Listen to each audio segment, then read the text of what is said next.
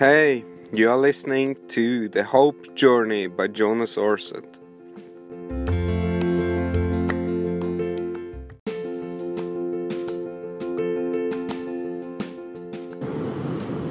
Hey guys, so I am already heading home to Dallas, and uh, yesterday I did an event, a race, Redland.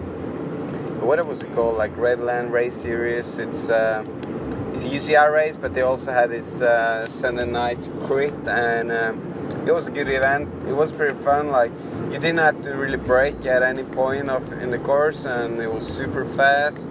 You had a high speed around the corner. It was quite a wide road uh, compared to what I probably am used to in criteriums, but it was it was good, and um, I raced decent, I'd say. It's been a lot of traveling. I didn't really feel super fresh before the start, but I, I, I started like just hanging in the peloton, and then I started being more active uh, after a couple, like probably a quarter, uh, like 15 minutes, and then I did go on some decent attempt. I got a couple of intermediate sprints. Uh, that was good, but I realized afterwards, you know, the whole price and everything I sprinted for was only like a bottle cage and a bottle, so wasn't really much to uh, take home. But um, I went for went for it with 5k, 5k, and five laps to go.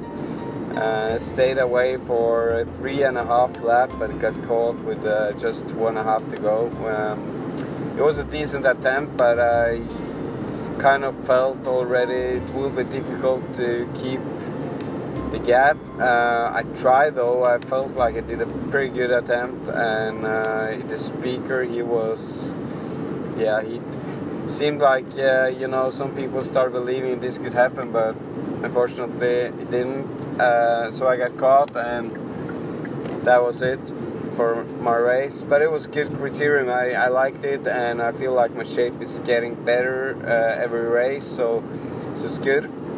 Hopefully it can actually turn out into some results eventually. Um, but that's at this event it was a lot of good people I, I met a lot of um, it seemed like lot, people with a lot of heart for cycling, and I talked with a few volunteers that used their Sunday just being at the at the venue, just being there, helping out, serving the other volunteers uh, food. So uh, it was great. They even uh, you know served me a little bit of a slice of pizza and. Uh, uh, very kind people, and I I think like the volunteers are sometimes we forget them a little bit. We riders, we we know we race and we go home, and we don't really appreciate what all these people are doing behind the scenes. So I want to talk with them, hear about you know why they're doing what they're doing, and um, I think it's just great that they are so uh, engaged in helping out and making you know sport of cycling, making it you know without them we couldn't we can organize these races. We can we wouldn't have these races. So it's definitely a really important task and just to all of you guys out there that are volunteering for races, just a big massive thank you and uh, yeah, let's let's hear it from these two.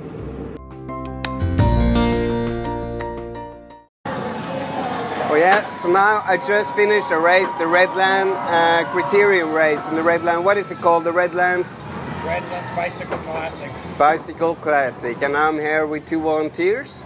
Uh, what's your name? My name is Jill. Jill, how old are you?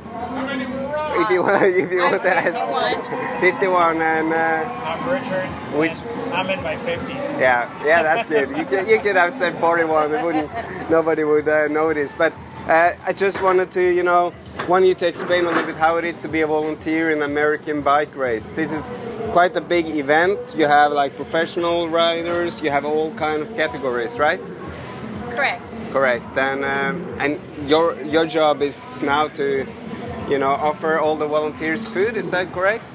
Our job is real simple. We just show up right when we're told to, and we just try to help to support the community. So That's great. Are you guys involved in this in a cycling club here, or No, No. no. But is this race part of a club or is it kind of? Uh, It's just a whole town that comes together and makes it happen. that's great. And you you are volunteer like um, you don't get any money for doing this now, No. just No. because you want to help. Yep. Yeah. So how uh, important important is this event for that small town of Redlands? Uh, It's just outside LA, right? We're Yeah, still we're about an hour or so from LA. yeah. And how how do you think this race is like? Is it important for the community or? Oh yeah, you know any type of uh, gathering you have um, of this uh, size uh, is, is great for Redlands. Yeah, yeah, it's great. And uh, I, I just raced a criterium which was quite, um, it was fast. It was really fast. Not that technical, but I think we had like 45 kilometers per hour. I don't know like how many miles that is. Maybe like 30 miles. So it was pretty quick, and uh, it was a great and fun event. And uh, you know, they these guys even I don't know if you're allowed to do it, but they even offered me like a slice of pizza after the finish, which is, you know, it definitely warms my heart before a long journey back to Dallas. Um, but uh, is it a lot of like cycling races nearby? Not that I'm aware of. The of. only one we know about. Yeah, Yeah. So So it's important for the cyclists in this area that you actually do have kind of. certainly. Yeah, and this this Redland uh, professional race is five days, is it? So yeah, I think it is five days. yeah, so it's pretty, um, yeah, very good race for the young riders to look up to and really prove themselves. And there's riders from the whole U.S. because it's UCI race, right? International cycling event. Yeah, that I don't know. No, no, no, you don't have to answer that one. Um, but I, I, I am doing like a journey from Dallas in Texas and all the way to California, and I'm going back.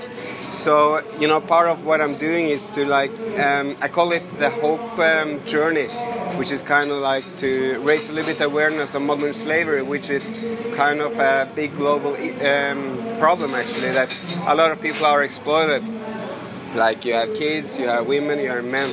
Have you have you heard about uh, modern slavery before? Um, not really. No, No. No.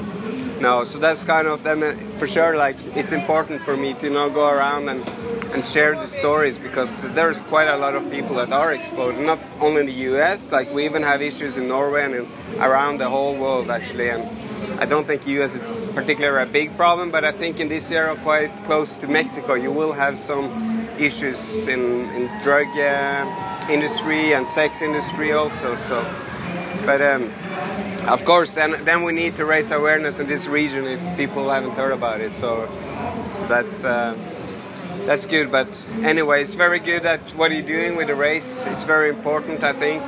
Cycling is great for community, great for you know for people to come together and, and do something that is healthy. So, thank you for what you're doing. And uh, Thanks for being a part of the race as, as Thank well. you. That's awesome. thank you. All right. Safe travel. Yes. Thanks. Thank you so much. You're welcome.